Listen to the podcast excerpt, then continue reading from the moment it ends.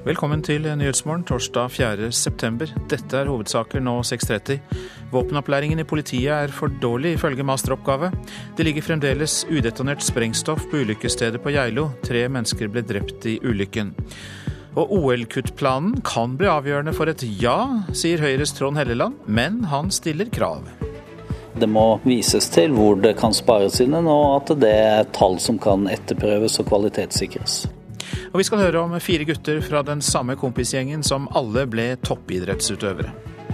Nei, de har en veldig drive, veldig seriøse gutter helt fra, eh, fra de var ganske, ganske, unge. Og det er vel det som har gjort at de har kommet dit de er nå, tenker jeg.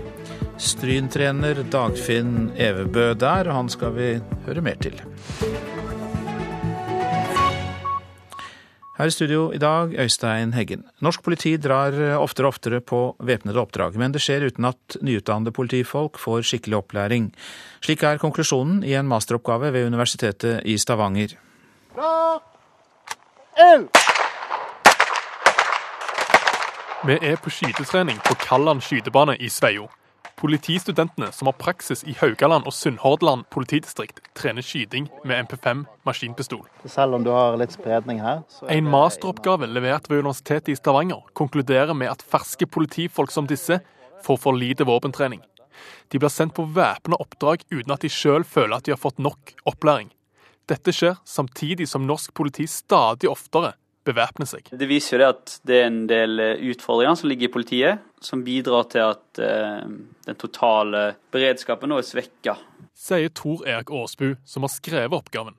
Han har intervjua sju nyutdanna politifolk mens de jobber på politistasjonene i Haugesund og Kristiansand. Hvis du skal føle deg komfortabel med å bruke skytevåpen i trengte situasjoner, så krever det veldig mye trening. Sier førsteamanuensis Bjørn Ivar Kruke ved Senter for risikostyring og samfunnssikkerhet ved Universitetet i Stavanger.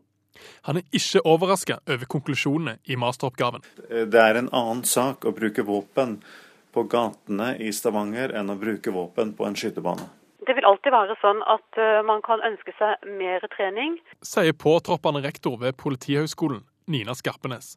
Hun mener dagens studenter er godt rusta til å møte politihverdagen. Vi har lagt om mye av utdanningen i løpet av de senere åra for å få til flere situasjonstreninger, sånn at studentene skal bli tryggere ikke bare på det rent tekniske med bruk av våpen, men også at de skal være i stand til å foreta gode situasjonsvurderinger, sånn at de vet når det er riktig å trekke våpen. Politistasjonssjef i Haugesund, Edgar Mannes, påpeker at ferske politifolk i dag må gjennom 48 timer våpenopplæring hvert år. Og jeg vet jo at også internasjonalt ligger jo vi høyt når det gjelder operativ trening.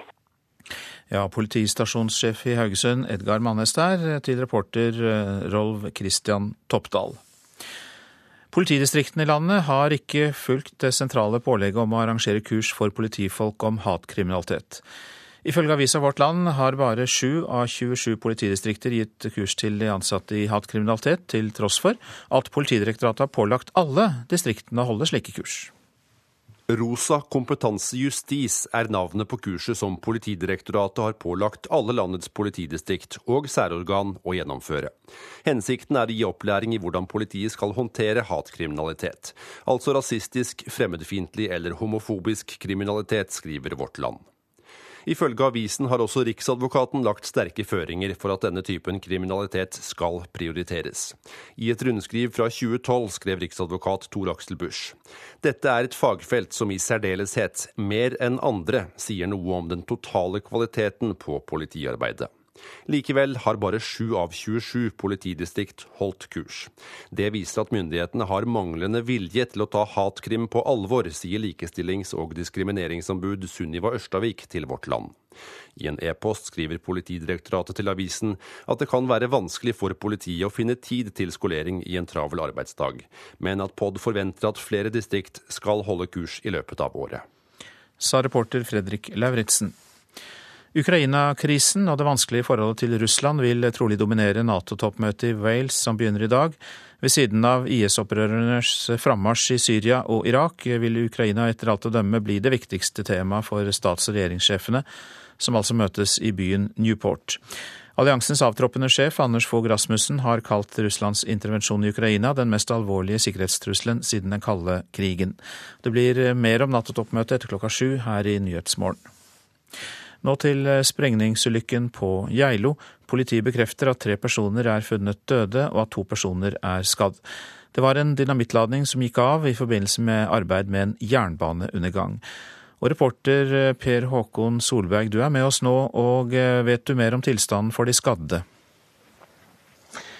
Foreløpig så har ikke politiet fortalt uh, oss uh, noe annet enn det som uh, ble kjent i, i, går kveld, at det er fortsatt én person som var med i, i dette sprengningsarbeidet som er hardt skadd, og én person skal være lettere skadd.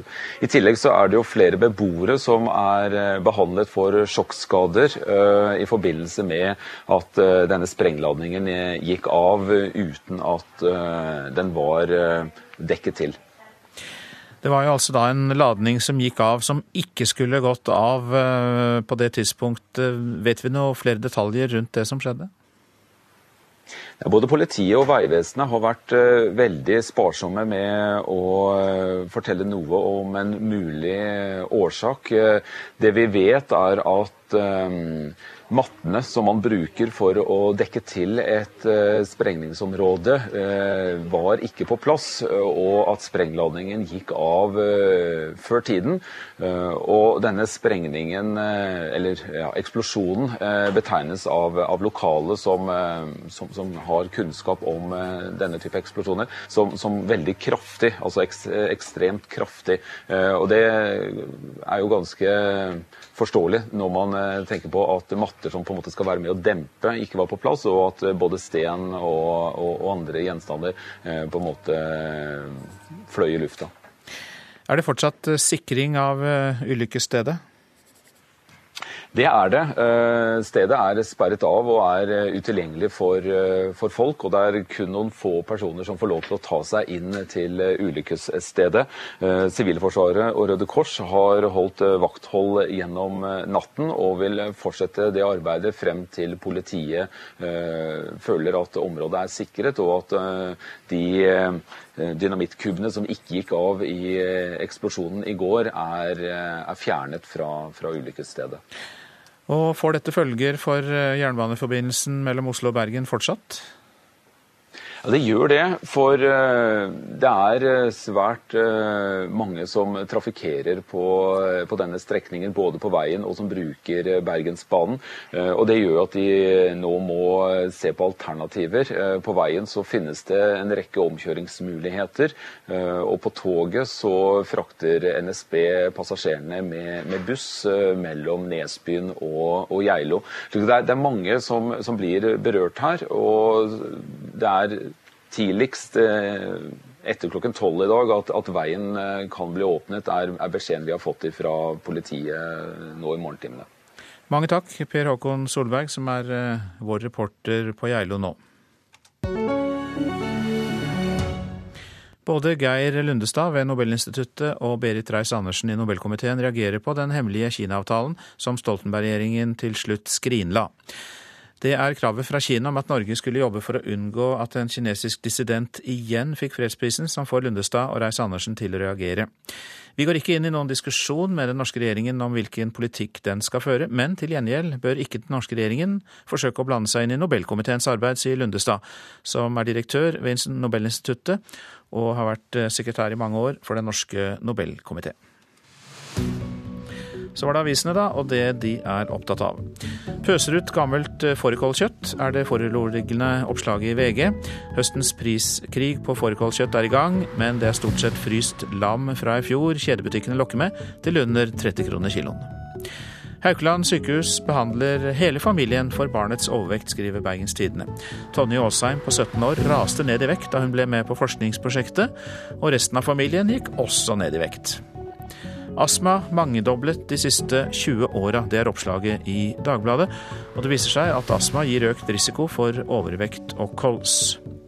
Oljefondet møter veggen, er oppslaget i Aftenposten. Lave renter vil ramme oljefondet og statsbudsjettet hardt. Vi kan ikke vente at de gode tallene vil fortsette, sier oljefondets sjef Yngve Slyngstad. USA ber Europa bla opp, kan vi lese i Dagsavisen. Europeiske land kan vente seg hardt press fra USA under Nato-toppmøtet som starter i Wales i dag. Nå står USA for to tredeler av militærutgiftene i Nato. Ulf Leirstein går til nye angrep på islam, er oppslaget i Klassekampen, som viser til at den omstridte Frp-politikeren har likt et innhold på Facebook lagt ut av en høyreekstrem aktivist om at islam gradvis spiser opp vestlige verdier i Norge kan forlenge livet til lungekreftpasienter, er oppslaget i Adresseavisen. Forskere ved NTNU og St. Olavs hospital tror nøkkelen ligger i et nytt prinsipp for kontinuerlig cellegiftbehandling, som altså kan forlenge livet med to måneder for uhelbredelige kreftpasienter. Kornsiloen som var nedleggingstruet i Stavanger, redder nå bøndene. Nasjonen kan fortelle at gode avlinger og kort sesong gir stor pågang for å lagre korn om dagen. Det var dyrt, ja, men det er noe man får tårer i øynene av. Den som sier det, er Christian Ringnes om sitt siste eiendomskjøp. Investoren har nemlig kjøpt Karl gate 33 for 460 millioner kroner. En perle i hovedstaden han har siklet etter i 30 år, kan vi lese i Dagens Næringsliv. Kuttplanene for OL kan bli avgjørende for hvordan Stortinget stiller seg til en statsgaranti, sier parlamentarisk leder i Høyre, Trond Helleland. Foreløpig er det ingen som vet om Stortinget stiller seg bak et OL. I dag lanserer Oslo kommune en spareplan som skal vise hvordan et billig OL kan arrangeres. Vi må se på tallene før vi konkluderer, og det gjelder meg sjøl også. Jeg har ikke tatt stilling endelig til om jeg går for eller mot OL. Høyres parlamentariske leder er spent på spareplanene til Oslo 2022. Det snakkes om kutt på opp mot 10 milliarder kroner når spareplanen legges fram i dag. Jeg tror det må være ganske konkret, fordi hvis det er holdt på å si, bare anslag og, og løse tanker, så, så, tror jeg ikke vi kommer noe lenger. Det må vises til hvor det kan spares inn, og at det er tall som kan etterprøves og kvalitetssikres. Men etter det NRK kjenner til, er spareplanen langt ifra så konkret som tvilerne etterlyser. I kulturkomiteen på Stortinget er tvilerne i mindretall. Der sier flertallet ja til OL i Oslo. Er det ja eller nei nå? Ja. Nei. Ja, jo ja. I folket er det flertall mot OL. Likevel er det usikkert hvordan Stortinget vil stemme. Arbeiderpartiet er blant dem som holder kortene tett til brystet. Også der knytter det seg spenning til spareplanens innhold. Men Arbeiderpartiets nestleder Helga Pedersen mener det er viktig at en samlet regjering står bak en OL-innstilling. Og at uh, man skulle ha en delt innstilling i en sak der finansministeren, samferdselsministeren og justisministeren, som vil være de tre sentrale statsrådene i et eventuelt OL-prosjekt, mot OL, det, det, er ikke, det er veldig vanskelig å tenke seg. Og det vil jo i så fall være et verst eh, tenkelig mulig utgangspunkt for en eventuelt norsk eh, OL-søknad.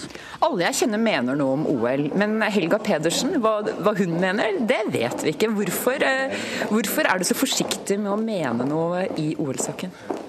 Det er fordi at jeg er eh, nestleder i et eh, ansvarlig opposisjonsparti, og vi er nødt til å se tallene, vi er nødt til å se saksgrunnlaget før vi tar stilling til det her. Foreløpig er det bare Høyre at et klart flertall har flagget et ja til OL og parlamentarisk leder Trond Helleland understreker at det er mulig med en ja-innstilling fra regjeringen, selv om Frp tar dissens. Eh, skal regjeringen legge frem en proposisjon her som eh, er positiv til OL, så må det jo være fordi at Høyre er positive.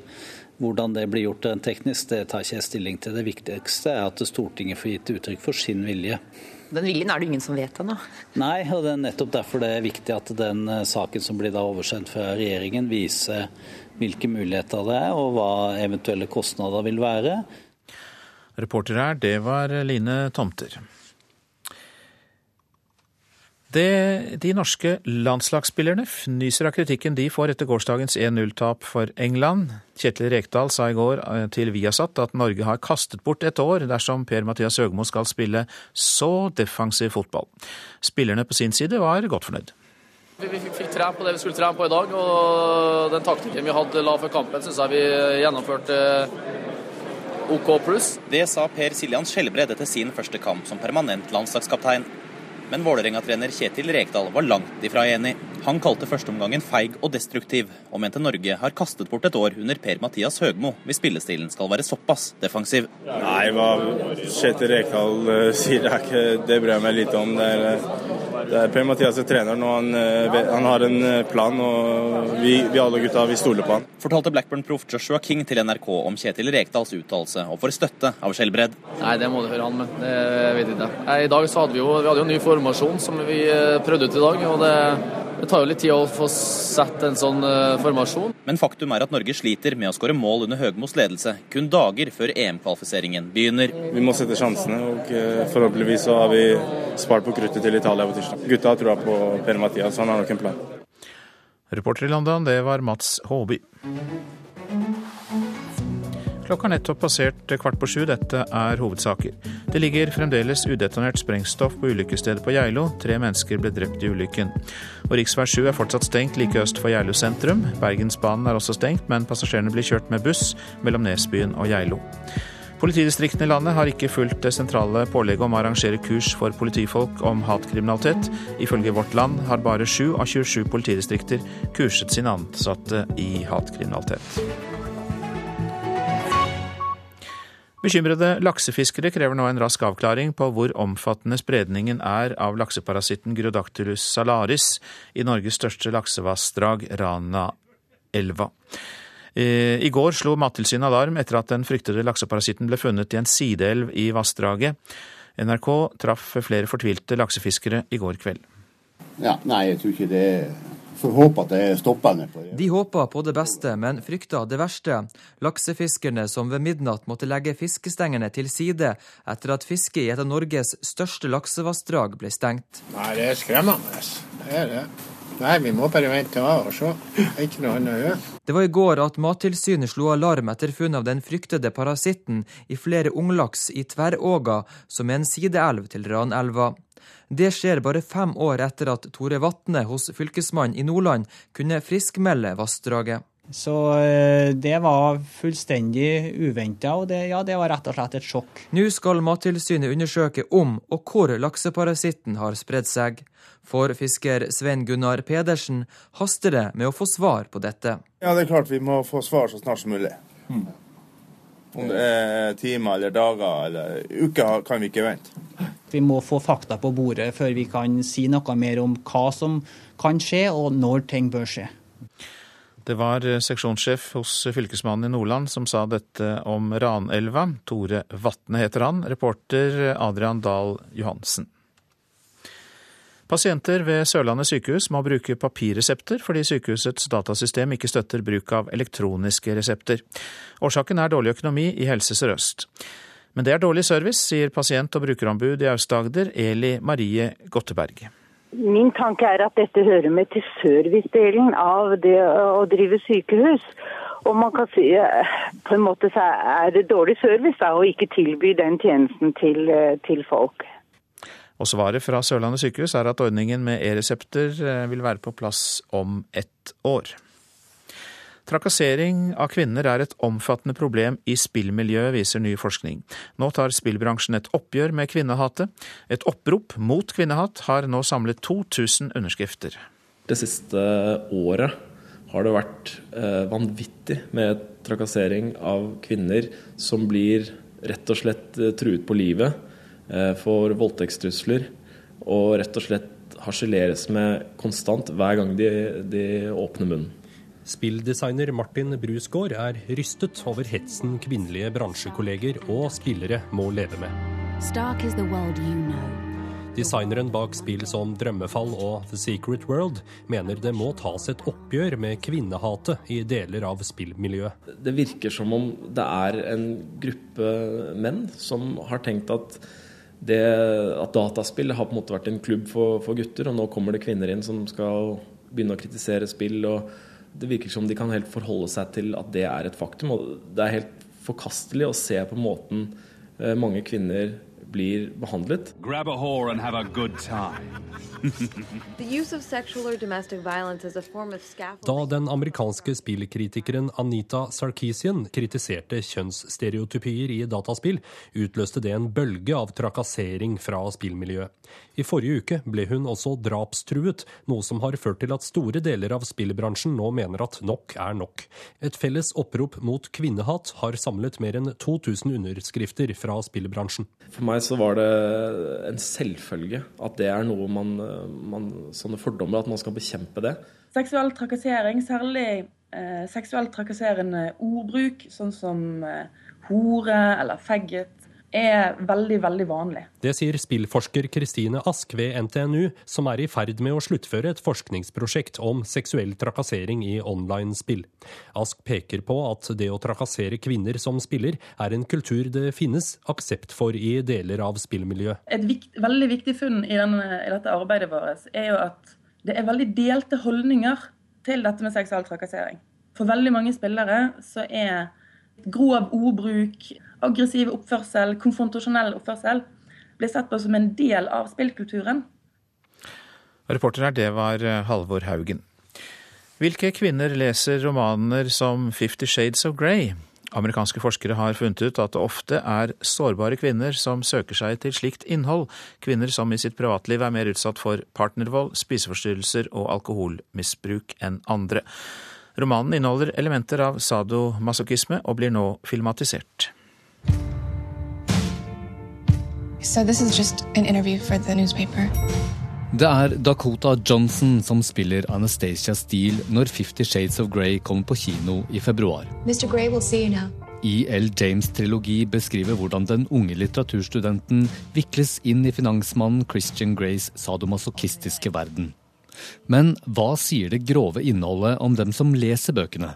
Hva skiller kvinner som har lest minst én utgave av Fifty Shades of Grey, fra dem som ikke har det? Det ville en gruppe forskere i USA finne ut, og ga et spørreskjema til 650 kvinnelige studenter. Fifty Shades of Grey uh, alminneliggjør et meget voldelig parforhold, advarer professor Amy Bonomi, som ledet studien ved Michigan State University. Det viste seg nemlig at langt flere av de som hadde lest bøkene, hadde vært utsatt for partnervold i en eller annen form, eller blitt trakassert på telefon av en tidligere partner. Enda større forskjell fant man når det kom til slanking og spiseforstyrrelser. Hele 80% flere hadde fastet eller brukt slankemidler i forhold til kvinnene som ikke hadde lest bøkene. Leserne av Fifty Shades of Grey hadde også hatt flere seksualpartnere, og hadde et mer usunt forhold til alkohol. Det er ikke overraskende, for vi vet at eh, når det gjelder eh, medieinnhold som er eh, mer ekstremt, så er det personer som er mer sårbare, som søker seg til den typen innhold sier volds- og medieforsker Ragnhild Bjørnebekk. Dette er jo en amerikansk studie, men er funnet relevant for Norge? Altså, dette her er generelle mekanismer som vil gjelde hvor som helst. Men det er alltid sånn at det en har med seg når en leser, det er avgjørende for hva som kommer ut av det. Professor Bonomi mener likevel kvinner bør tenke seg om før de leser bøkene, fordi den typen voldserfaring, spiseforstyrrelser og sexvaner de har avdekket blant leserne, også er kjente tegn på at man lever i et usunt parforhold suggesting that the, that the book be banned or that women should not be free to read Fifty Shades. However, it is important for women to understand that the health behaviors assessed in the study are known risk factors for being in a violent relationship. Reporter her, det var Petter Sommer. Hva har de felles, toppidrettsutøverne Tarjei Bø, Per Egil Flo, Mats Solheim og Ulrik Flo? Jo, de kommer fra ja, samme bygd omtrent, men også samme vennegjeng. Det er en gruppe menn med guts og treningsiver. Det sier trenerne i Stryn, som nå ser tilbake, ti år etter at de fire kompisene slo gjennom med idretten sin. Per Egil Flo, Mats Solheim, Ulrik Flo. Så det er jo en gyllen årgang. Trener Dagmund Evebø studerer et gammelt lagbilde av A-laget til Stryn i 2005. Det er en helt unik årgang i lokalfotballen i Sogn og Fjordane. Tre av spillerne er nå i toppklubber. Per Egil Flo i Molde, og kan bli både cup- og seriemester i år. Han har også debutert på landslaget. Ulrik Flo, en av nøkkelspillerne på Sogndal i Tippeligaen. Mats Solheim har gått til Kalmar og etablert seg i svensk toppfotball. Ja, og så er det en kar til. Han spilte på guttelaget med Flo-guttene, men tok litt andre valg før han sjøl kom så langt som til A-laget. Gratulerer, Tarjei. ah, takk. Det var sterke opplevelser. Fortell åssen du har det akkurat nå. Her blir det gull. Ja da. Ja, vi tror det. Vi skal Tarjei eh, gjorde nok et rett valg, eh, selv om han òg var en god fotballspiller. Så, eh, så når du ser hva karriere han har hatt i skiskyting, så er det klart at han har jo tatt et bra valg. Men, men han var jo en av de som bodde på stadion her og, og kunne ha nådd like langt han hvis han hadde, hvis han hadde valgt, valgt fotball. Sier Johan Sigurdsson om fotballtalentet Tarjei Bø. Men hva var det egentlig som gjorde at Stryn fikk fram så mange gode spillere på så kort tid? For det er nemlig ikke hverdagskost. Dagmund Evebø har en teori. Nei, de har en veldig drive. Veldig seriøse gutter helt fra, eh, fra de var ganske, ganske unge. Da kanskje Per Egil og Mats i særklasse. Eh, og det er vel det som har gjort at de har kommet dit de er nå, tenker jeg. Det er trenerkollega Johan Sigurdsson enig i. I, litt tilfeldigheter er det selvsagt. Det, altså, jeg tror ikke vi, vi i Stryn kan ikke si at dette her er vårt eh, hva skal jeg si, spillerutviklingssystem som har gjort det. For det, det var de altså ikke. Det, først og fremst så var det de som gjorde jobben, men de hadde jo de hadde jo flinke trenere og, og, folk som brydde seg og var engasjerte rundt lagene i aldersbestemte klasser. Mats Solheim kom til Stryn fra Loen i lavere divisjoner, der han var back og faktisk keepervikar. Over natta var han spiss på Stryn, og toppskårer i tredjedivisjon med langt over 30 mål. Nei, jeg eh, minnes det sånn et uh, veldig sammensatt, uh, veldig sammensatt gruppe. og det var uh, Alle ville i samme retning. Altså, vi, vi ville vinne tredjedivisjon og, og skåre mye mål. Vi var veldig offensive. Eh, og vi hadde et eh, relativt bra lag, og alle klarte å komme inn i den spilleideen som vi hadde. Så det var, det var, veldig artig å spille på den tida.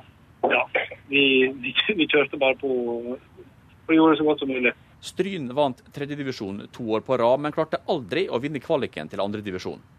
Sjøl om Solheim skåra tre mål mot HamKam 2 foran stappfulle tribuner på Stryn stadion. Så gikk det ikke lange tida før trioen hadde forlatt Stryn. Den nye arenaen var Fosshaugane i Sogndal. Nå opplever Per Egil Flo og Mats Solheim suksess med Molde og Kalmar. Dagmund Nevebø er fremdeles trener for Stryn. Jeg syns det er kjempekjekt at eh, Per Egil har, har kommet inn på eh, A-landslaget og vært fantastisk god i, eh, i Molde. Eh, Mats har kommet tilbake igjen etter en nokså alvorlig kneskade som han fikk eh, tidlig etter at han gikk til Kalmar og, og spiller back der borte og gjør det kjempebra. og og, Det som kanskje er kjekkest av alt, er at eh, hver gang de er tilbake igjen i bygda her, så ønsker de å være med og trene litt. Være med i lag med de gutta som er her, sånn at de kan bidra i, eh, positivt i trening, er med på turneringer osv. Og, så og er liksom de samme guttene som de var før de for herifra. og Det er kanskje det kjekkeste. Reporter i Stryn, Rune Fossum. Så et eh, værvarsel. Fjell i Sør-Norge. Opphold og til dels pent vær. Lokal morgentåke. Østafjell stort sett pent vær, men lokale tåkeskyer først på dagen. Rogaland og Hordaland oppholdsvær og til dels pent vær. Sogn og Fjordane på kysten sørlig periodevis liten kuling, ved Stad sørvest stiv kuling. I ytre strøk mulighet for litt regn, vesentlig først på dagen, men for øvrig i Sogn og Fjordane oppholdsvær og perioder med sol. Vi går nordover til Møre og Romsdal og Trøndelag. Sørvestlig oppe i liten kuling på kysten. I ytre og nordlige strøk eh, litt regn. Ellers oppholdsvær også der. Perioder med sol, særlig da i indre strøk i eh, sør. Så var det Nordland. Sørvestlig opp til stiv kuling på kysten og i fjellet. Fra i ettermiddag minkende. Først minker det i sør. Det blir perioder med regn i Nordland, lokalt mye nedbør i nordlige områder. Troms sørvestlig liten til stiv kuling utsatte steder. Regn av og til. Lokalt mye nedbør lengst sør i Troms. Finnmark på kysten i vest og nord oppe i stiv kuling. Skyet eller delvis skyet. Regn av og til, særlig da i ytre strøk i Vest-Finnmark. Lite nedbør i øst. Nordensjøland på Spitsbergen. Skyet først på dagen, litt regn eller sludd i øst. Så temperaturer målt klokka fem i natt. Svalbard lufthavn tre. Kirkenes, Vardø og Alta alle elleve. Tromsø-Langnes 12, Bodø og Brønnøysund 13, Trondheim-Værnes 12, Molde og Bergen-Flesland 14 grader, Stavanger 12, Kristiansand-Kjevik 9, Gardermoen 13, Lillehammer 10, Røros 8 og Oslo-Blindern hadde 14 grader.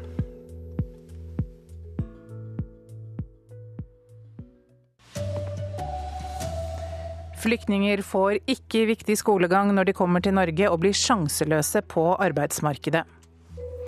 Mange lærere er skeptiske til den nye avtalen med KS og vurderer å stemme nei. Her er NRK Dagsnytt klokken syv. Tre av fire flyktninger som mangler skolegang, får ikke grunnskoleopplæring når de kommer til Norge. Det viser en ny rapport. Og uten denne kunnskapen er det nesten umulig å få seg jobb, sier forsker Anne Britt Juve ved forskningsstiftelsen Fafo. Du trenger jo basiskompetanse i norsk, i matematikk, lesing og skriving for å ha noen mulighet i det norske arbeidsmarkedet. Det er veldig, veldig få jobber du kan få uten den kompetansen.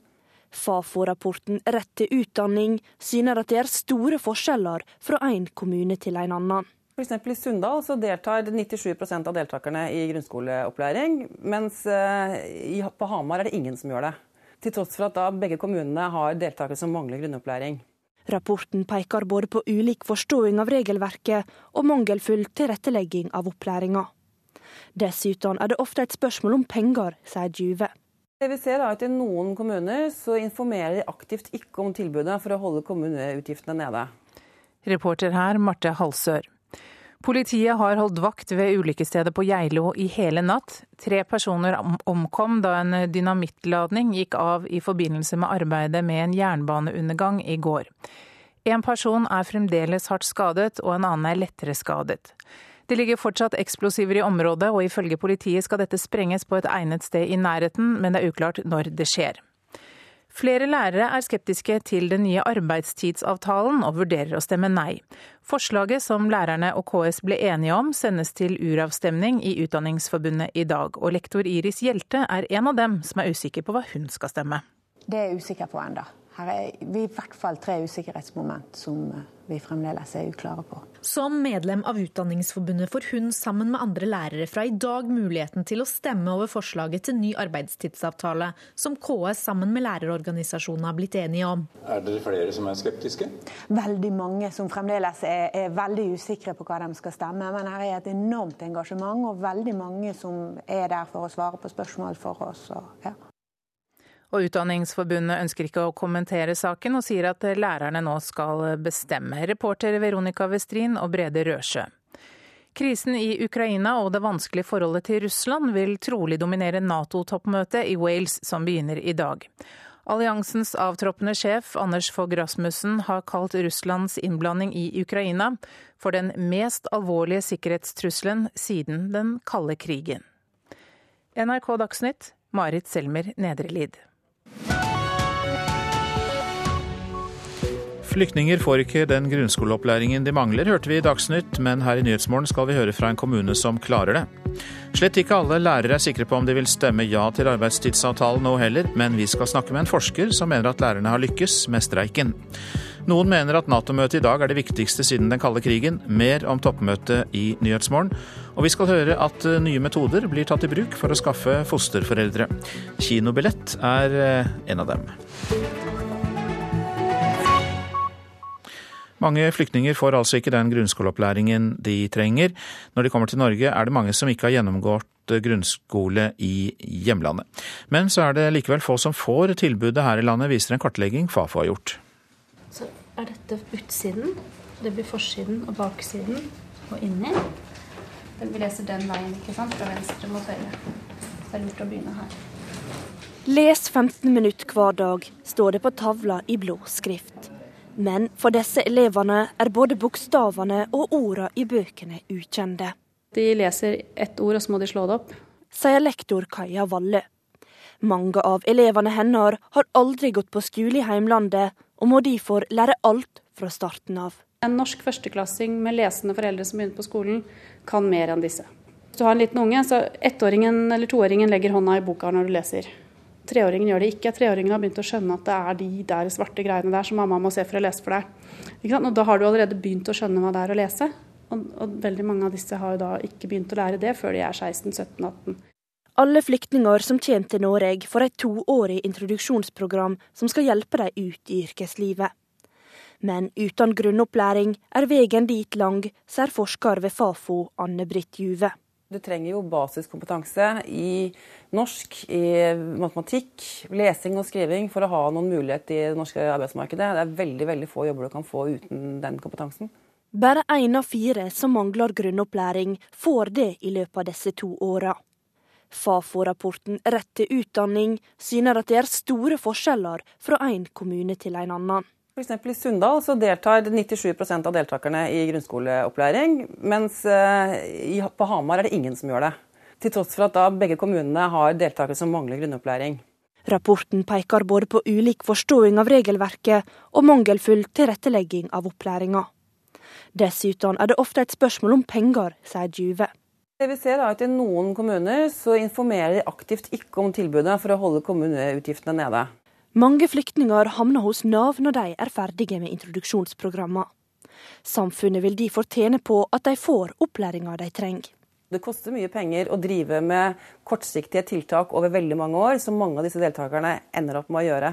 Først deltar det da i introduksjonsprogram uten å få grunnskoleopplæring. Så går det over i Nav og deltar på en rekke kortsiktige tiltak der, som heller ikke gir noen formell kompetanse. Reportere Marte Halser og Tom Ingebrigtsen. Så sier vi god morgen til deg, Bente Mosbakk. Ja, god morgen. Du er sjef for innvandringstjenesten i Sunndal kommune, og ni av ti innvandrere som mangler grunnskoleutdanning, får det hos dere. Men i Oslo er det bare én av ti. Det er en dramatisk forskjell der dere åpenbart er best. Og eh, hvordan har dere klart det? Nei, Det har vært eh, målretta arbeid over eh, mange år. Vi har sett at flyktninger har vært har lett for å bli tapere i arbeidsmarkedet. De er ofte sist inn i oppgangstider, og så er de ofte først ut igjen når det er reduksjon i, i antall arbeidsplasser. Så Vi har sagt det at de må gjøres i stand til å konkurrere med etnisk norske. Og Hvordan syns du det har gått for dem etterpå, da, når de har fått grunnskoleutdanning hos dere?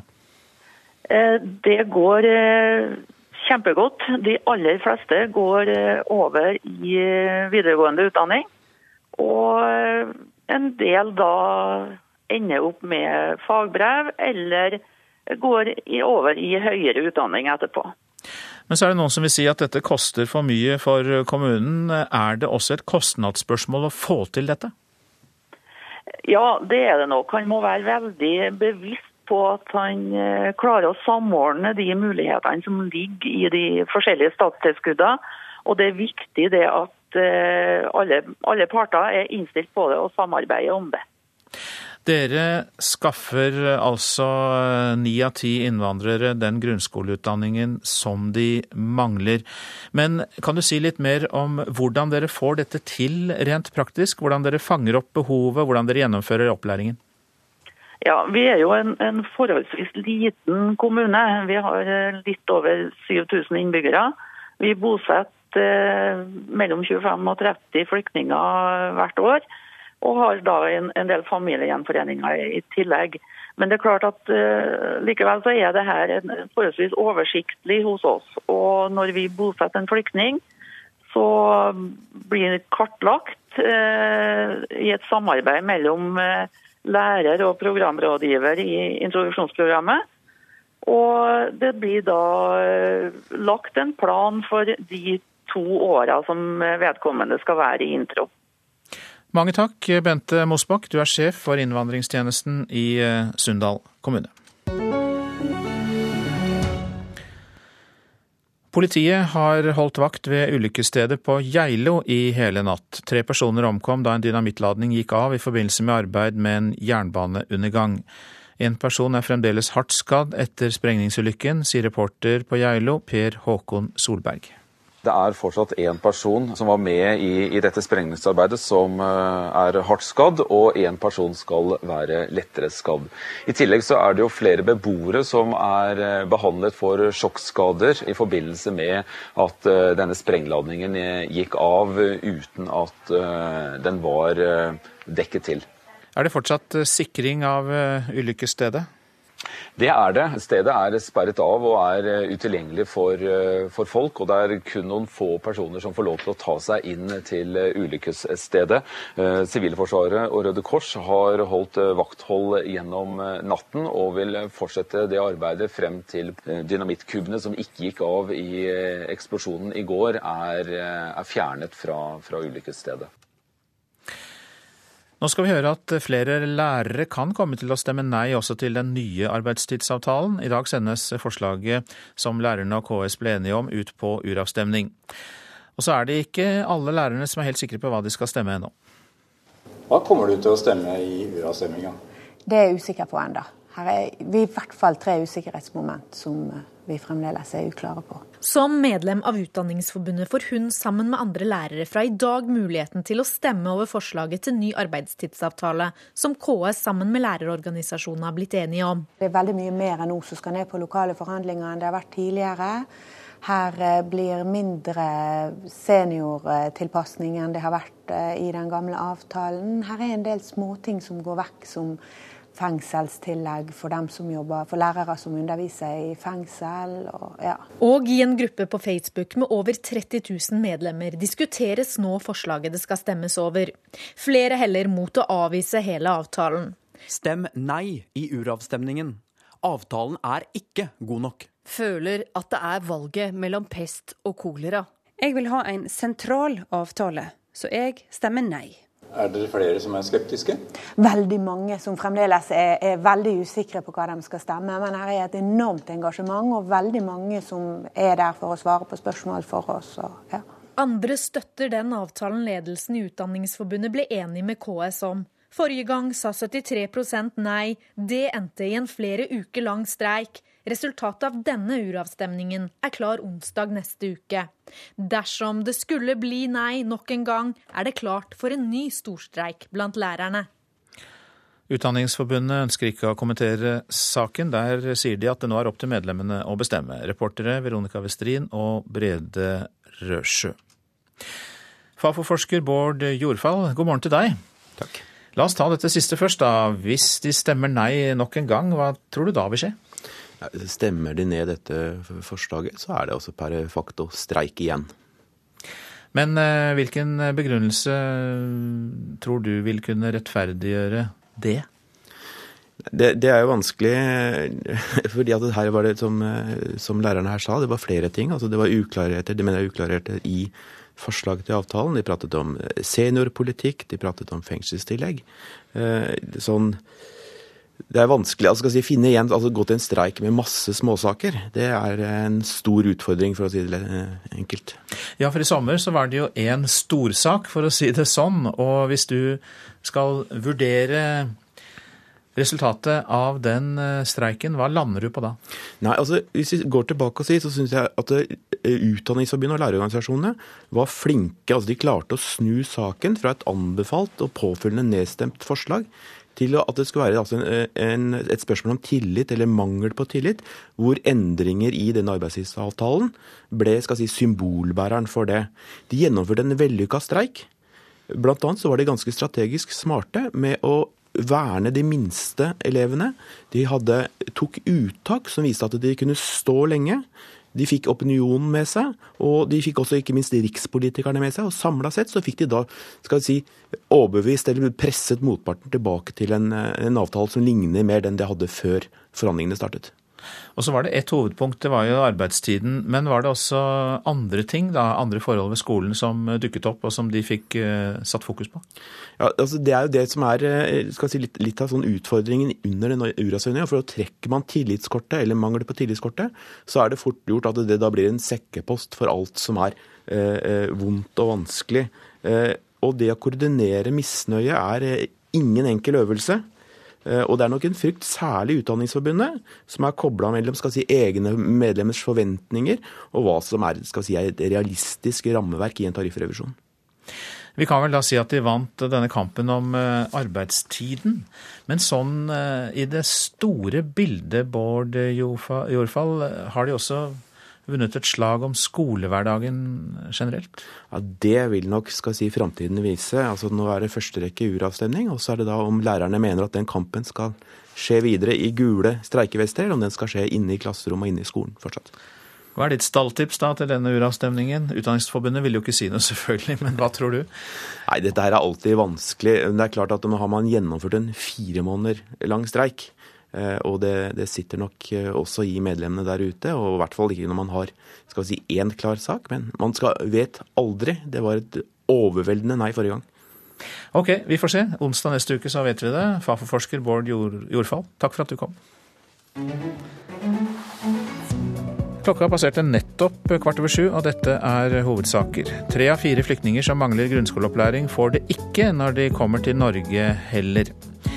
Det ligger fremdeles udetonert sprengstoff på ulykkesstedet på Geilo. Tre mennesker ble drept i ulykken. Og rv. 7 er fortsatt stengt like øst for Geilo sentrum. Bergensbanen er også stengt, men passasjerer blir kjørt med buss mellom Nesbyen og eh, Geilo.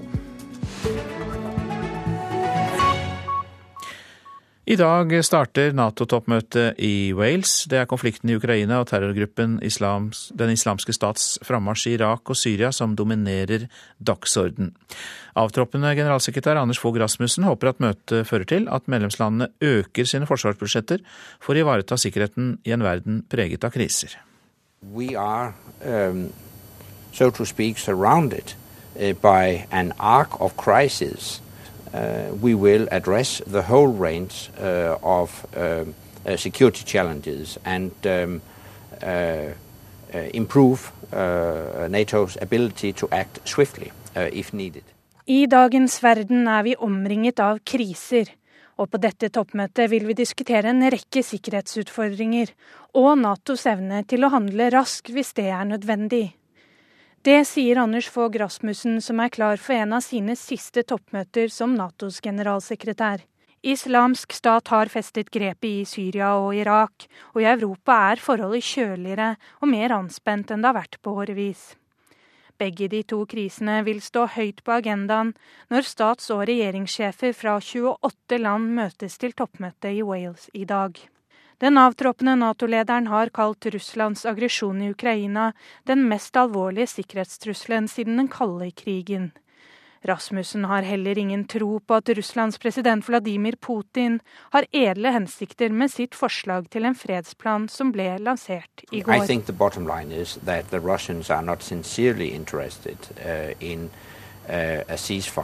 uh, uh. They want to continue to destabilize uh, eastern uh, Ukraine. Jeg tror faktum er at Russland ikke ønsker noen våpenhvile.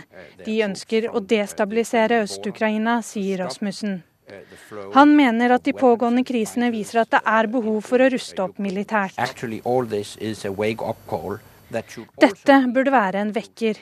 Vi må investere mer i forsvar og sikkerhet.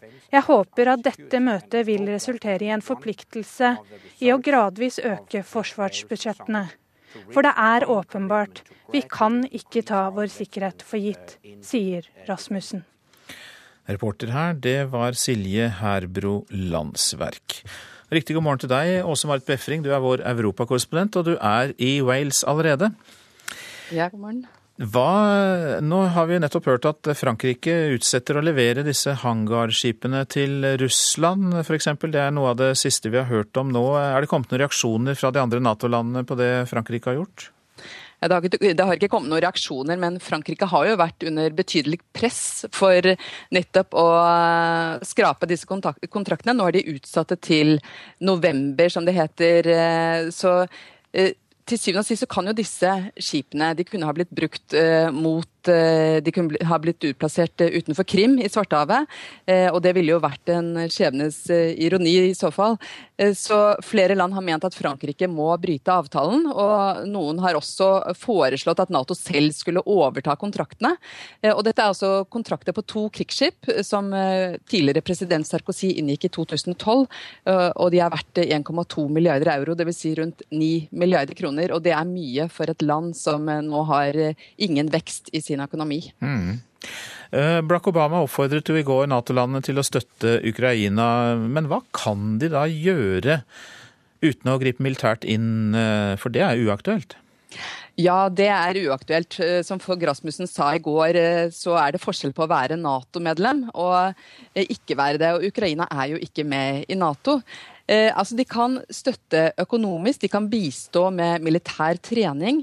Eh, de kan også ha flere øvelser, slik de nå skal ha. Nå i, om en uke så er det jo eh, varslet en øvelse der i hvert fall 200 amerikanske soldater skal delta, der også Norge vil eh, delta med to personer. Eh, slik at eh, på den måten så kan de knytte Ukraina, gjøre Ukraina mer kapabel til å å, løse konflikten selv, men også knytte sterkere bånd. For det er jo et partnerland til Nato, selv om ikke det er med. Mm. Så har vi Vladimir Putin. Han lanserte jo i går et forslag til sjupunkts fredsplan for eh, Ukraina. Eh, er det dukket opp noen reaksjoner eh, fra Nato-land på det? Ja, Som vi hører, så sier Natos generalsekretær Anders Fogh Rasmussen at den, dette var ikke reelt. han kom med denne planen bare timer før Nato-toppmøtet skulle starte, og det mener Fogh Rasmussen ikke er tilfeldig. og det viser jo hvordan han er veldig uforutsigbar i måten han, eh, han skaper usikkerhet, han skaper forvirring eh, i måten han kommuniserer på. Og, og, han mener at dette her ikke er noe å legge vekt på i det hele tatt. Ja, Du nevnte jo at Ukraina ikke er Nato-medlem, selvfølgelig, og at det får betydning for reaksjonen. Men så er det jo også da Nato-medlemmer som føler seg mer usikre om dagen, bl.a.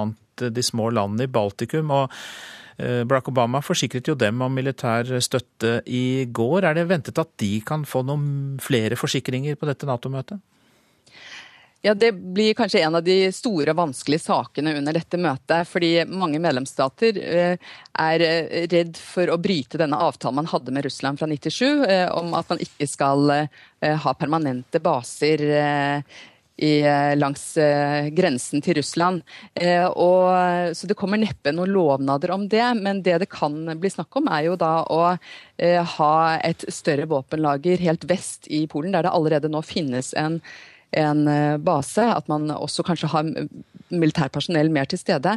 Men noe av det viktige her blir jo også da denne nye hurtigreagerende militære styrken, som da skal kunne komme ethvert medlemsland til unnsetning på kanskje bare noen timer. Eh, og, det skal jo også da være med å, trygge de baltiske statene og Polen, eh, som også er usikker. Og så blir det jo da flere militærøvelser eh, over området. Det har allerede vært 50% flere militærøvelser enn det tidligere har vært. Mange takk for den oppdateringen, europakorrespondent Åse Marit Befring, som altså befinner seg i Wales, der det er Nato-toppmøte. Har skolen vist om alvorlig mobbing og ikke tatt affære, så bør rektor miste jobben. Ja, det sier tidligere fylkesmann i Troms, Svein Ludvigsen. Den årlige elevundersøkelsen viser nemlig at mange barn stadig opplever mobbing på skolen. Dette er et kjempestort samfunnsproblem, og for den enkelte ungen som opplever det i skolen, at rektor svikter, ja da bør konsekvensen være at den skolen som det hvor avdekkes alvorlige eh, mobbesaker, så bør eh, rektor finne seg noe annet å gjøre. Det bør være oppsigelsesgrunn. Over en periode på 13 år har Kunnskapsdepartementet brukt over 60 millioner kroner på konkrete mobbetiltak. Denne uka har NRK fortalt om 13-åringen Mathias som har blitt sviktet av både skolen og Tromsø kommune. Jeg har blitt mobba siden første klasse. Siden jeg var den eneste som ikke gikk i barnehage, siden mamma var hjemme hele barndommen min. Siden jeg ble antatt som den nye, så var det ingen som kjente meg. Og det var der alt begynte. Stortingsrepresentant og Høyre-politiker Kent Gudmundsen i utdanningskomiteen syns det er et interessant innspill tidligere fylkesmann Svein Ludvigsen kommer med. Ja, det er i hvert fall ingen tvil om uh, at uh, rektoren har et helt klart overordnet ansvar. Ikke bare uh, gjennom seg sjøl, men gjennom sine ansatte. Å påse at det er en kultur der voksne faktisk griper inn og er foregangsbilder og driver rettledning. For dette er jo Eh, barn som eh, kanskje ikke like lett av og til eh, greier å skille mellom hva som er rett og galt og alvorlig. Og da påhviler det veldig mye ansvar. Og jeg tror kanskje vi må se på hvilke virkemidler vi da skal gi arbeidsgiver for å slå hardt ned på sånne tilfeller. Marit Garfjell og Kaja Staude Michaelsen var reportere her. Så var det det avisene er opptatt av. Politiet dropper hatkrim, det er hovedsaken i vårt land. Kun sju av landets 27 politidistrikter har arrangert de hatkrimkursene de er pålagt. Mange politimestre prioriterer ikke hatkriminalitet fordi tallene på anmeldelser er lave, mener eh, rådgiver Oddvar Faltin i Landsforeningen for lesbiske, homofile og bifile og transpersoner. Pøser ut gammelt fårikålkjøtt er det foruroligende oppslaget i VG. Høstens priskrig på fårikålkjøtt er i gang, men det er stort sett fryst lam fra i fjor. Kjedebutikkene lokker med til under 30 kroner kiloen. Haukeland sykehus behandler hele familien for barnets overvekt, skriver Bergens Tidende. Tonje Aasheim på 17 år raste ned i vekt da hun ble med på forskningsprosjektet, og sier hun er gladere nå, og at resten av familien gikk ned i vekt. Astma er mangedoblet de siste 20 åra, det er oppslaget i Dagbladet. Og astma gir økt risiko for overvekt og kols. Oljefondet møter veggen, er eh, Aftenpostens oppslag. Lave renter vil ramme oljefondet og statsbudsjettet hardt. Vi kan ikke vente at de gode tallene vil fortsette, sier oljefondets sjef Yngve Slyngstad. USA ber Europa om å bla opp, kan vi lese i Dagsavisen. Europeiske land kan vente seg hardt press fra USA under Nato-toppmøtet som starter i dag. Nå står USA for to tredeler av militærutgiftene i Nato. Ulf Leirstein går til nye angrep på islam, er oppslaget i Klassekampen, som viser til at den omstridte Frp-politikeren har likt et innhold på Facebook lagt ut av en høyreekstrem aktivist om at islam gradvis spiser opp vestlige verdier i Norge. Kan forlenge livet til lungekreftpasienter, er oppslaget i Dressavisen. Forskere ved NTNU og St. Olavs hospital tror nøkkelen ligger i et nytt prinsipp for kontinuerlig cellegiftbehandling, som kan forlenge livet med to måneder for uhelbredelige kreftpasienter. Det var dyrt, ja, men eh, man får tårer i øynene av det, sier Christian Ringnes om sitt siste eiendomskjøp. Investoren har nemlig kjøpt Karl Johans gate 33 for 460 millioner kroner. En perle i hovedstaden han har siklet etter i 30 år, kan vi lese i Dagens Næringsliv. Det trengs 1700 eh, nye fosterhjem i år. Mangelen på hjem er så stor at eh, fosterhjemstjenesten tester ut nye måter å komme i kontakt med fosterforeldre på. Et av flere tiltak er kinobesøk, og eh, et annet er møter med unge voksne som har bodd i fosterhjem selv. Det man trenger når man har hatt en, kanskje har traumer og opplevd vanskelige ting, er jo trygge, stabile rammer, trygge voksne tilhørighet tror jeg er veldig, veldig viktig for å finne deg sjøl. Og føle det at du hører til et sted. Sier Heidi Lisa Eriksen. Hun kom i fosterhjem da hun var tolv år, og er et av de tidligere fosterhjemsbarna som har sagt ja til å dele sine erfaringer. Fosterhjemstjenesten har fått en sal på Fredrikstad kino for seg selv. Der byr de snart på premierefilmen Beatles, men først et møte de håper kan få noen flere til å åpne hjemmet sitt for en som trenger det. Når du ser tilbake, var, var det riktig å flytte i fosterhjem da? Ja, det var absolutt riktig. En ny start. Det var viktig den gangen å bli tatt ut av den settingen jeg var i. Jeg ser som voksen at jeg hadde ikke hatt de mulighetene og vært sånn ressurssterk som jeg føler at jeg er i dag. Jeg hadde ikke vært den personen jeg er i dag hvis jeg ikke hadde blitt tatt ut fra det jeg var i. Syns det er sterke ord. Barne-, ungdoms- og familiedirektoratet trenger 1700 nye fosterhjem i år. Bare i Østfold venter 50 barn på et nytt hjem. Kinoinvitasjoner og møter med voksne fosterbarn er bare noen av metodene som testes ut for å nå ut til mulige nye fosterforeldre, forteller Turid Johansen i fosterhjemstjenesten. Vi må prøve ulike måter å, å treffe familier på. Men vi vet jo det at det å bli fosterhjem, det er ikke noe man gjør på impuls. Det er noe man trenger tid på å bestemme seg for. Vi prøver å gjøre ulike ting for å nå ut og det er ikke bare A4-hjem som egner seg som fosterhjem, forsikrer Johansen. Eh, vi har behov for eh, fosterhjem bestående av eh, mor og far. Vi har behov for fosterhjem bestående av bare mor, eller to mødre eller to fedre. Vi har behov for alle typer fosterhjem. Det er viktig, for meg er en viktig ting at man tenker at det er en livslang forpliktelse. Det er ikke bare en jobb du gjør til det barnet er 18 år gammel, f.eks. Mange av barna trenger at du er der for bestandig. Alle har vi behov for familie rundt oss. For Heidi Lisa Eriksen ble fosterfamilien det nye ankeret, og er det fortsatt. Det er dem som er familien min på det daglige basis i dag, ja. Ellers så hadde jeg nok stått der uten så veldig mye familie. Og reporter her, det var Marianne Løkkevik Ekeberg. Prosent for Nyhetsmorgen er Ulf Tannes Fjell. Her i studio Øystein Heggen. Vi minner om at statsminister Erna Solberg er gjest i Politisk kvarter. Hun skal snakke om utfordringene på Nato-toppmøtet i Wales. Og I reportasjen etter Dagsnytt kan du høre mer om isbøtteutfordringen, som har herjet på internett i sommer.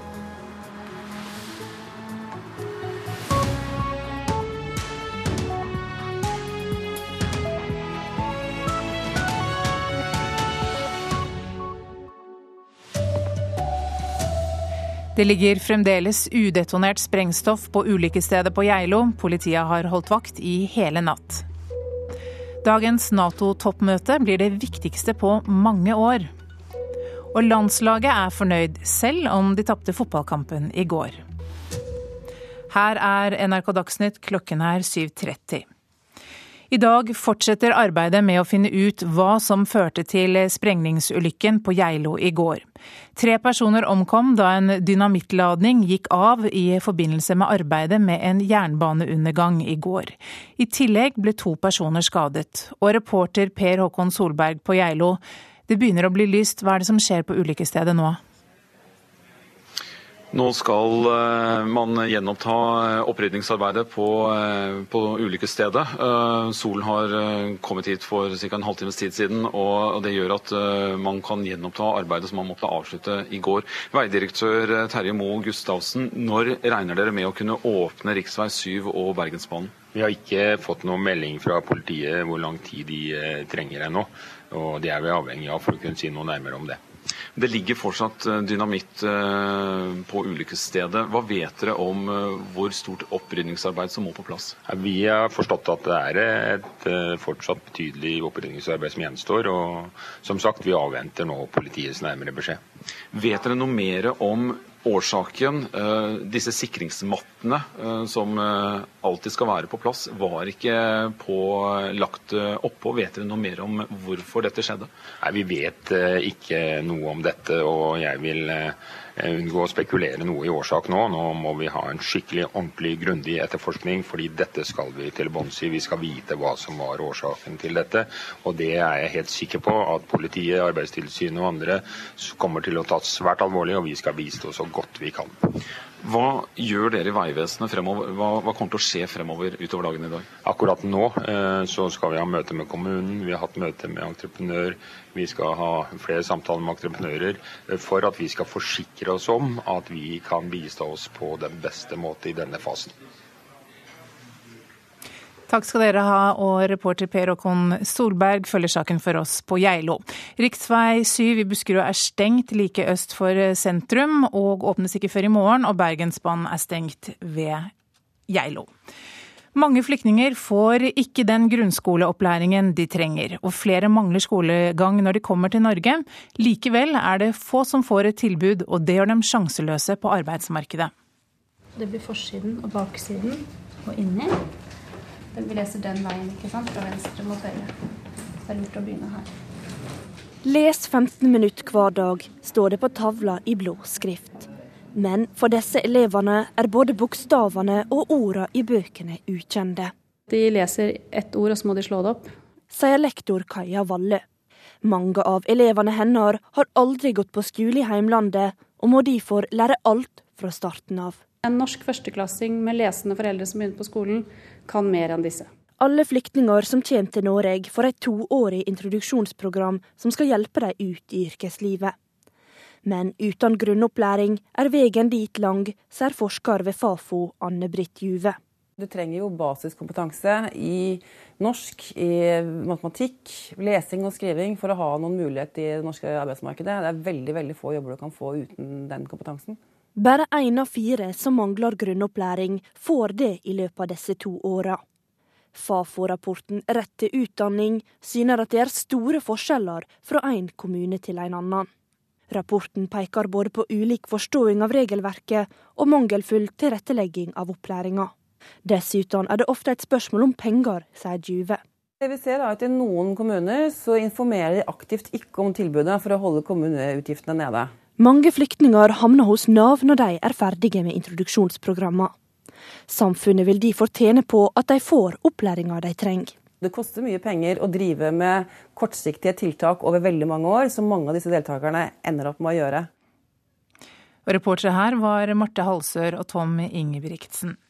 Dagens Nato-toppmøte i Wales beskrives som et av de viktigste på mange år. Og europakorrespondent Marit Befring, du er på møte i Newport i Wales. Hva blir de viktigste temaene? Hvordan Nato skal bistå Ukraina uten at uh, situasjonen og forholdet til Russland blir tilspisset, blir klart uh, en av de viktige sakene.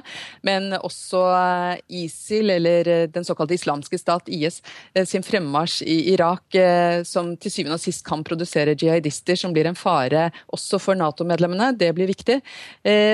Anders Fogh Rasmussen sier også at han har en ønske om at eh, medlemmene forplikter seg mer til å øke forsvarsbudsjettene. De har eh, egentlig et krav på seg på å bruke 2% av bruttonasjonalproduktet i dag. Eh, bare noen få land som Frankrike og Storbritannia er i det hele tatt i nærheten av det. Og så skal Nato diskutere en økt tilstedeværelse i Øst-Europa. Hva betyr det helt konkret? Ja, det vil Mest sannsynlig De ønsker jo permanente baser. Mest sannsynlig så innebærer dette her at de vil ha eh, oftere militærøvelser, både luft og sjø og på land. Eh, ifølge Anders Fogh Rasmussen så har de altså doblet nærværet på den måten hittil. Jeg var selv om bord i et krigsskip eh, tidligere denne uka, i Svartehavet. Eh, USA sine krigsskip går inn og ut der hele tiden og sier at de også kommer til å være der mer eller mindre permanent. Og så kan det også bety at de vil eh, øke et våpenlager som ligger helt vest i Polen, men veldig mange medlemsland er skeptiske til å ha noe som helst, å bryte avtalen med Russland om permanente baser. Europakorrespondent Åse Marit Befring i Wales.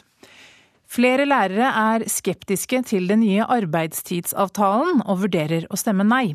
Forslaget som lærerne og KS ble enige om, sendes i uravstemning i dag. Men slett ikke alle er sikre på hva de skal stemme. Det er jeg usikker på ennå. Her er vi i hvert fall tre usikkerhetsmoment som vi fremdeles er uklare på. Sier lektor ved Borgund videregående skole i Ålesund, Iris Heltene. Som medlem av Utdanningsforbundet får hun sammen med andre lærere fra i dag muligheten til å stemme over forslaget til ny arbeidstidsavtale, som KS sammen med lærerorganisasjonene har blitt enige om. Det er veldig mye mer enn nå som skal ned på lokale forhandlinger enn det har vært tidligere. Her eh, blir mindre seniortilpasning enn det har vært eh, i den gamle avtalen. Her er en del småting som går vekk. Og i en gruppe på Facebook med over 30 000 medlemmer diskuteres nå forslaget det skal stemmes over. Flere heller mot å avvise hele avtalen. Stem nei i uravstemningen. Avtalen er ikke god nok. Føler at det er valget mellom pest og kolera. Jeg vil ha en sentral avtale så jeg stemmer nei. Er dere flere som er skeptiske? Veldig mange som fremdeles er, er, veldig usikre på hva de skal stemme. Men her er et enormt engasjement. Andre støtter den avtalen ledelsen i Utdanningsforbundet ble enig med KS om. Forrige gang sa 73% nei. Det endte i en flere uker lang streik. Resultatet av denne uravstemningen er klar onsdag neste uke. Dersom det skulle bli nei nok en gang, er det klart for en ny storstreik blant lærerne. Og Utdanningsforbundet ønsker ikke å kommentere saken, og sier at det er nå medlemmene som skal bestemme. Reportere Veronica Westrin og Brede Røsjø.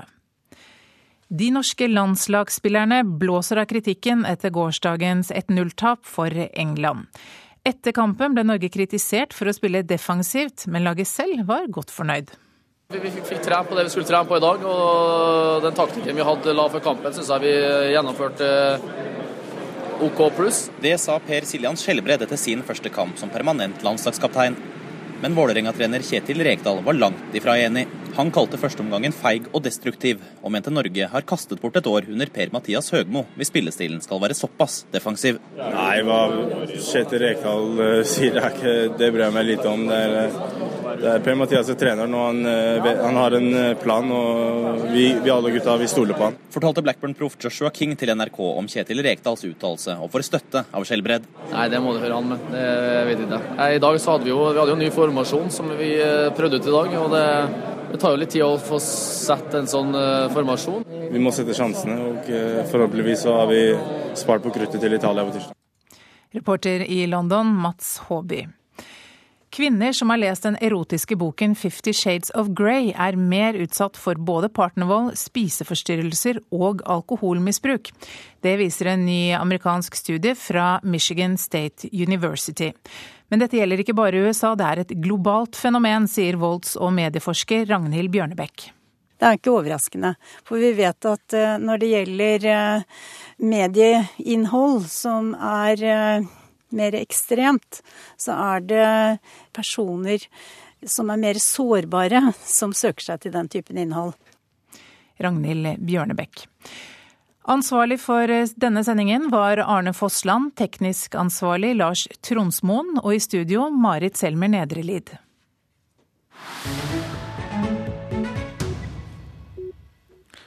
Dette er Nyhetsmorgen. Det heter Isbøtteutfordringen og har herjet på nettet i sommer. Formålet er godt, å støtte en pasientgruppe med en grusom sykdom. Og støtte har kommet, for utfordringen har slått alle rekorder. And after I dump this bucket of ice on my head, I get to nominate three new people to challenge. So I'm going to challenge Bill Gates. Utfordringen er gitt av Facebook-gründer Mark Zuckerberg, som så heller en bøtte med isvann over hodet for å vise hvordan det skal gjøres. I'm glad to give to ALS. Cause, I, I en av mottakerne av utfordringen er ikke en hvem som helst, det er Bill Gates. You know, Penger har Microsoft Gates nok av, så det blir ikke en enkel plastbøtte med vann og isbiter på han. Han får bygget et stillas med en rød og blå beholder på toppen. Det ser ut til at den kan romme omtrent 15 liter. Bill Gates sender utfordringer videre. Og drar i utløsertråden. En meget våt og kald Bill Gates ser ikke bra ut. Like våte og kalde blir de tre han navnga dagen etter. Isbøtteutfordringen begynte i månedsskiftet juni-juli i år, og spredde seg på nettet. Spredde seg veldig. Forgjengeren, Hopp i havet for kreftsaken, fikk ikke nærheten av samme spredning og samme drakraft fra kjendiser. Vi hører nedkjølingen av Tesla-gründer Elon Musk, en av de tre Bill Gates utfordret. Og det er ikke bare isvannet det dreier seg om, det er innsamling av penger. Og det har blitt mye penger. Over 100 millioner dollar. Egentlig besto utfordringen som begynte på en brannstasjon i USA, i å enten betale 100 dollar eller få en bøtte isvann over hodet innen et døgn. De aller fleste velger å gjøre begge deler. I'm Steven Spielberg, and I'm accepting the Ice Bucket Challenge by nå, litt over en måned senere, har det roet seg nesten helt, slik som såkalte virale nemer har det med å gjøre. Men i løpet av måneden har den amerikanske ALS-foreningen økt sitt innsamlingsbudsjett for i år med 1100 Pengene skal bl.a. brukes til forskning. Amyotrophic lateral sclerosis is the most common type of motor neuron disease, a condition of the nervous system. ALS, amyotrofisk lateralsklerose, Lou Gehrig's disease, er en av de verre. Det er i nesten alle tilfeller en dødsdom. Og du dør når lungemuskulaturen slutter å fungere. Det er nervene som blir ødelagt, dvs. Si nervene som styrer musklene. Det er ikke mange som får dette. Likevel har sykdommen fått stor oppmerksomhet men ikke noe som ligner på dette før. Yes, them, Men nå skjer det ting med sykdommen, uten at en eneste av isbøttedollarene er sendt til en eneste forsker. Det er allerede fullfinansiert forskning i gang som kan virke meget lovende, og denne uken kom det nyheter. What the stem cells will do vi hører forsker Jonathan Glass. Han tilhører et forskningsmiljø ved Emory-universitetet i USA, som nå begynner fase to-tester på mennesker. De bruker stamceller som sprøytes inn i ryggmargen. Stamceller er celler som kan bli til andre celler.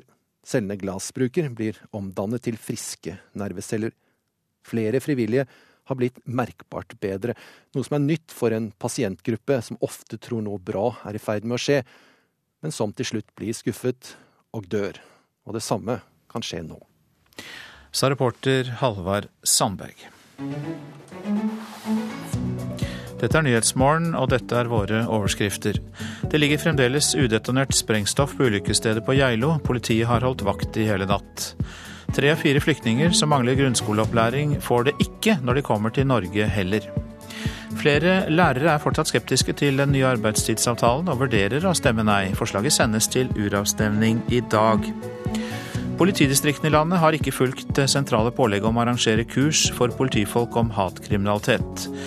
Ifølge avisa Vårt Land har bare sju av 27 politidistrikter kurset sine ansatte i hatkriminalitet.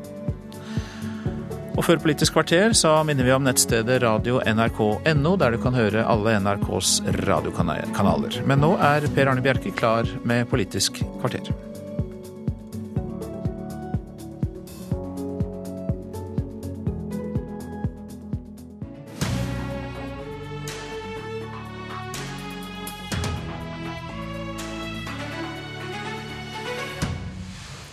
Stats- og regjeringssjefen i Nato samles til avgjørende toppmøte. Statsminister Solberg med oss direkte fra Cardiff. Og uaktuelt for KrF å være med på store skattelettelser, sier Knut Arild Hareide. I morgen møtes partiets landsstyre. Stats- og regjeringssjefen i Nato er nå samlet til eh, toppmøte i Wales. Og statsminister Erna Solberg direkte med meg fra Cardiff. Hvor viktig vil du si at eh, dette toppmøtet er? Dette er et uh, veldig viktig toppmøte. Det var ikke sånn da man begynte å planlegge dette for en, uh, et år siden. Da trodde man kanskje at det ikke var helt nødvendig med et nytt toppmøte. Men uh, den internasjonale utviklingen, særlig i Ukraina, men også Irak, Syria, har jo vist at det er et sterkt behov for at, nå, Atlant, at alliansen står samlet. At vi diskuterer hva den nye sikkerhetspolitiske situasjonen betyr for Nato. Hva kan vi vente at kommer ut av dette møtet når det gjelder eh, konflikten i Ukraina?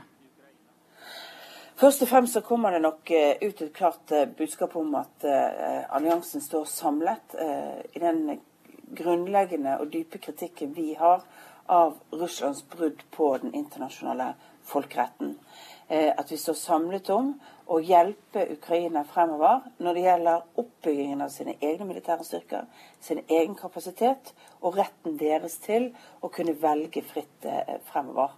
Eh, så betyr det også at eh, det nye sikkerhetspolitiske bildet legger mer press på alle Nato-land til å sørge for at de har et moderne, fremtidsrettet, godt samordnet militære styrker, og hvor alliansen må øve og trene sånn at det, den gamle, store effekten av Nato, nemlig avskrekkingen og den gjensidige forpliktelsen, styrkes enda mer.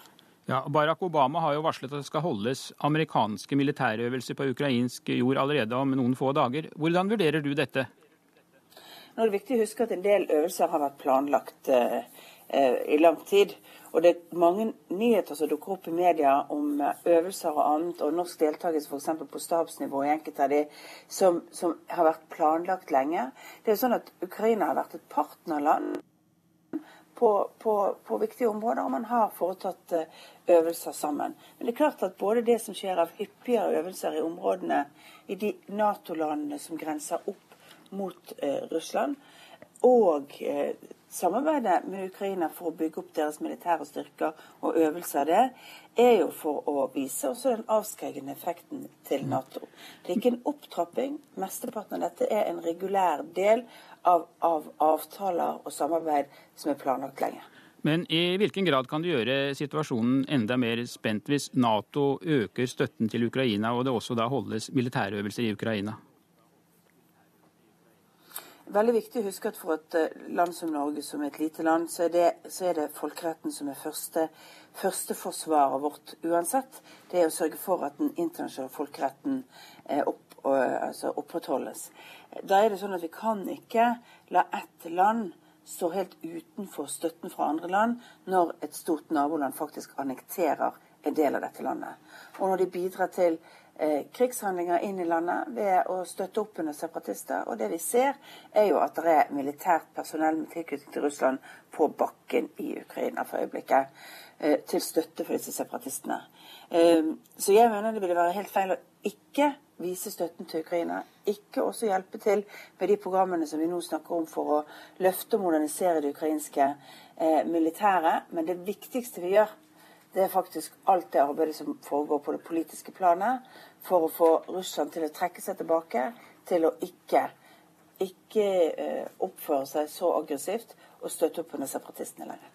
Ifølge Natos eh, avtroppende generalsekretær Fogh Rasmussen så har Russland de siste fem årene økt forsvarsbudsjettet med 50% mens Nato har skåret ned med 20% Tilsier nå situasjonen i Europa at Nato-landene må bruke mer penger på forsvar de kommende årene? Ja, jeg tror det tilsier at eh, det arbeidet som har gått veldig bra i noen land, bl.a. i Norge, moderniseringen, eh, endringene og, og, og, og, investeringene i nytt utstyr, eh, det er det flere land som må være med på. Så vil det selvfølgelig alltid bli en vanskelig diskusjon i de hjemlige landene. Hvor mye bruker vi på militært utstyr? Et av de viktige konseptene som Nato har jobbet med de siste årene, er også det som kalles smart defense. At en del dyre nisjeprosjekter skal gjøres i samarbeid mellom land under Nato-paraplyen fordi ikke hvert enkelt land kan ha alle kapasitetene. Det bidrar jo til at vi også kan få mer forsvar ut av de pengene vi har. Men eh, det er nok et press på at vi må vise at styrkene til Nato kan samarbeide. At vi kan eh, ha nytt og godt utstyr som gjør at vi faktisk er oppdaterte og har den avskrekkende effekten som Nato har hatt de siste ja, snart 70 årene. På møtet i Cardiff så skal Jens Stoltenberg presenteres som ny generalsekretær, før han da tar over om en snau måned. Hvilke forhåpninger har du til at Stoltenberg skal få en god dialog med Putin? De to har jo møtt hverandre mange ganger.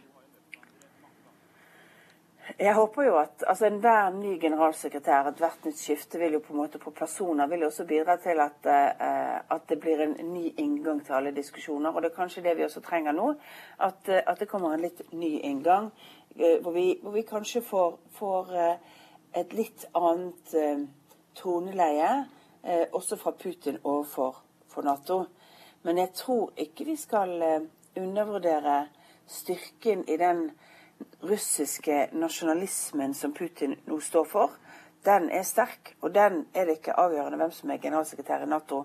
Den er det først og fremst avgjørende eh, hvordan ledelsen rundt Putin reagerer. Derfor er det vi også har eh, målrettede sanksjoner eh, for å svekke støtten til denne nasjonalistiske linjen. Takk skal du ha, statsminister Erna Solberg, med oss fra Cardiff.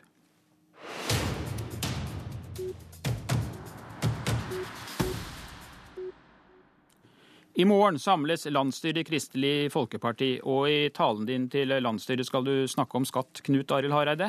Om en drøy måned så legger regjeringen frem eh, forslaget til statsbudsjett. Kan du nå fortelle oss hvor store skattelettelser ditt parti kan være med på?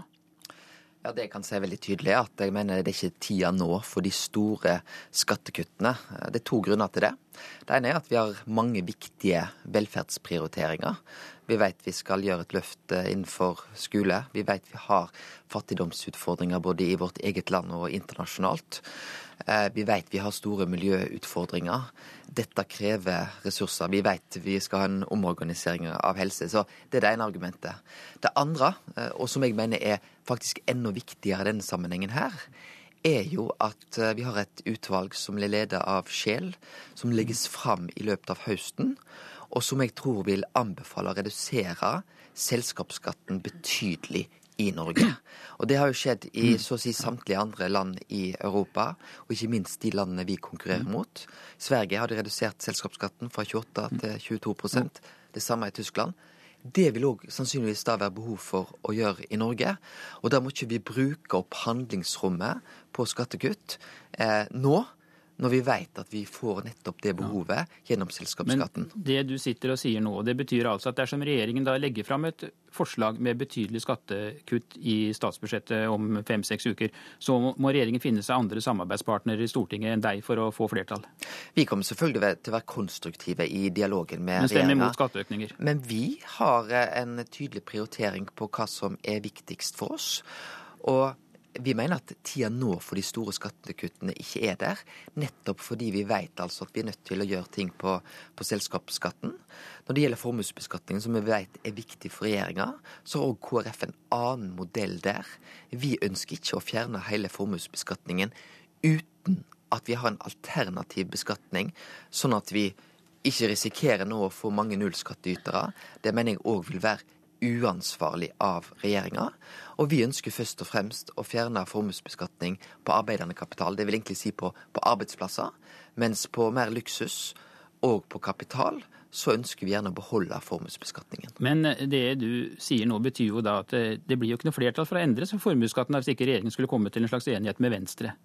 Jeg tror ikke det er det store flertallet nå for å gjøre de store endringene i formuesbeskatningen eh, ved denne korsveien her. Eh, nettopp fordi at vi vet at fjerner vi den fullt og helt, så får vi òg noen skjevheter i hele skattesystemet.